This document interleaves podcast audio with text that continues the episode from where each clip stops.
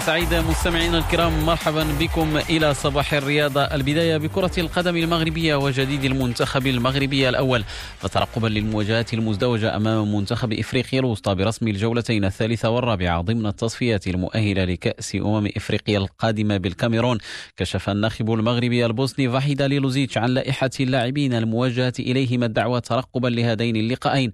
وحيد الذي اختبر سابقا أسماء كثيرة آخرها خلال وديتي السنغال والكونغو الديمقراطية الشهر الماضي. يبدو أنه اقتنع بأسماء معينة سيعتمد عليها في الفترة القادمة. اللائحة ضمت حارس فريق اتحاد طنجة هشام المجهد الذي سيكون الحارس الثالث خلف ياسين بونو وأيضا منير المحمدي. في الدفاع سيعتمد وحيد على الأسماء المجربة يقودها غانم سايس لاعب فريق وولفرهامبتون وأيضا اللاعب سامي مايي الذي أقنع وحيد ليأخذ مكانه ضمن الأسماء الثابتة في اللائحة. كما تسجل اللائحة عودة المدافع جواد يميق الغائب في الفترة الأخيرة. على مستوى لاعبي وسط الميدان. تسجل لائحة فحيد هاليلوزيتش عودة عادل تعرابت الذي كان جدد تعاقده مع فريقه بنفيكا البرتغالي. كما نسجل عودة فيصل فجر وأيضا أمين حارث على المستوى الخط الأمامي. المفاجأة السارة كانت استدعاء لاعب فريق الرجاء الرياضي سفيان رحيمي الذي يتوج بذلك موسما رائعا بتمثيل المنتخب الأول. كما تشهد اللائحة استدعاء لأول مرة للاعب زكريا أبو خلال لاعب فريق أزيد الكمار الهولندي. للإشارة فالمنتخب المغربي يدخل معسكره الأسبوع القادم ويواجه منتخب إفريقيا الوسطى بالدار البيضاء في الثالث عشر من نوفمبر الحالي قبل أن يرحل يوم السابع عشر لمواجهته بدوال الكاميرونية.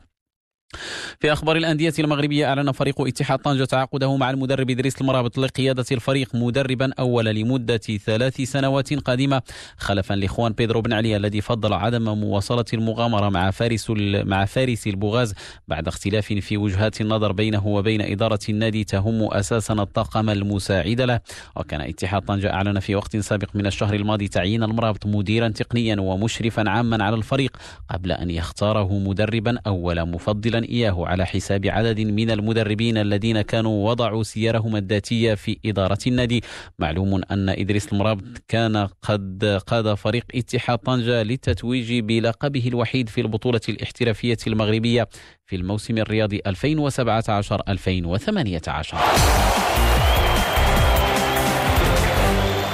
كرة القدم دائما أوروبيا. اللحظة وحديث بداية عن أبرز نتائج مباريات أمس عن الجولة الثالثة من مسابقة الدوري الأوروبي اليوروبا ليج فريق ليل أوقف أمس الانطلاقة الموفقة لميلان الإيطالي وألحق به هزيمة قاسية بثلاثة أهداف لصفر.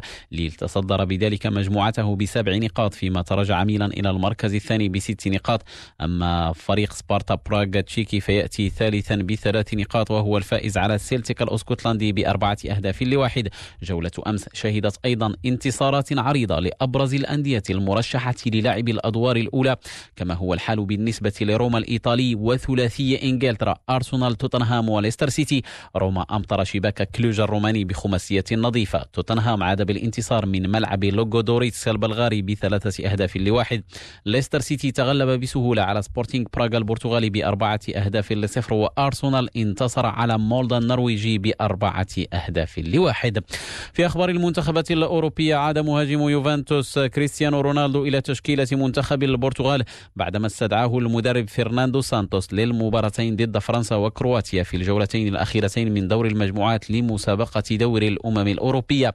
وكان رونالدو غاب عن المباراة الأخيرة لمنتخب بلاده في دور الأمم الشهر الماضي ضد السويد بسبب الإصابة بفيروس كورونا في الثالث عشر من أكتوبر.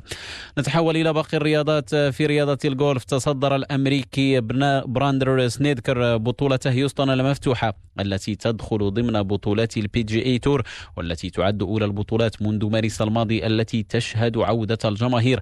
سنيدكر تصدر الترتيب بخمس ضربات تحت المعدل متقدما بفارق ضربتين عن وصافة يتقاسمها ستة لاعبين بينهما الأسترالي جيسون داي والأمريكي شاندر شافلي.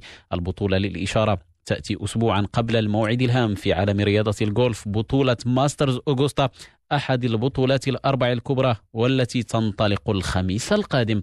بذلك مستمعينا نضع نقطة نهاية صباح الرياضة. أشكركم على طيب الإصغاء والمتابعة. متى يتواصل بعد لحظات رفقة جايتون بليني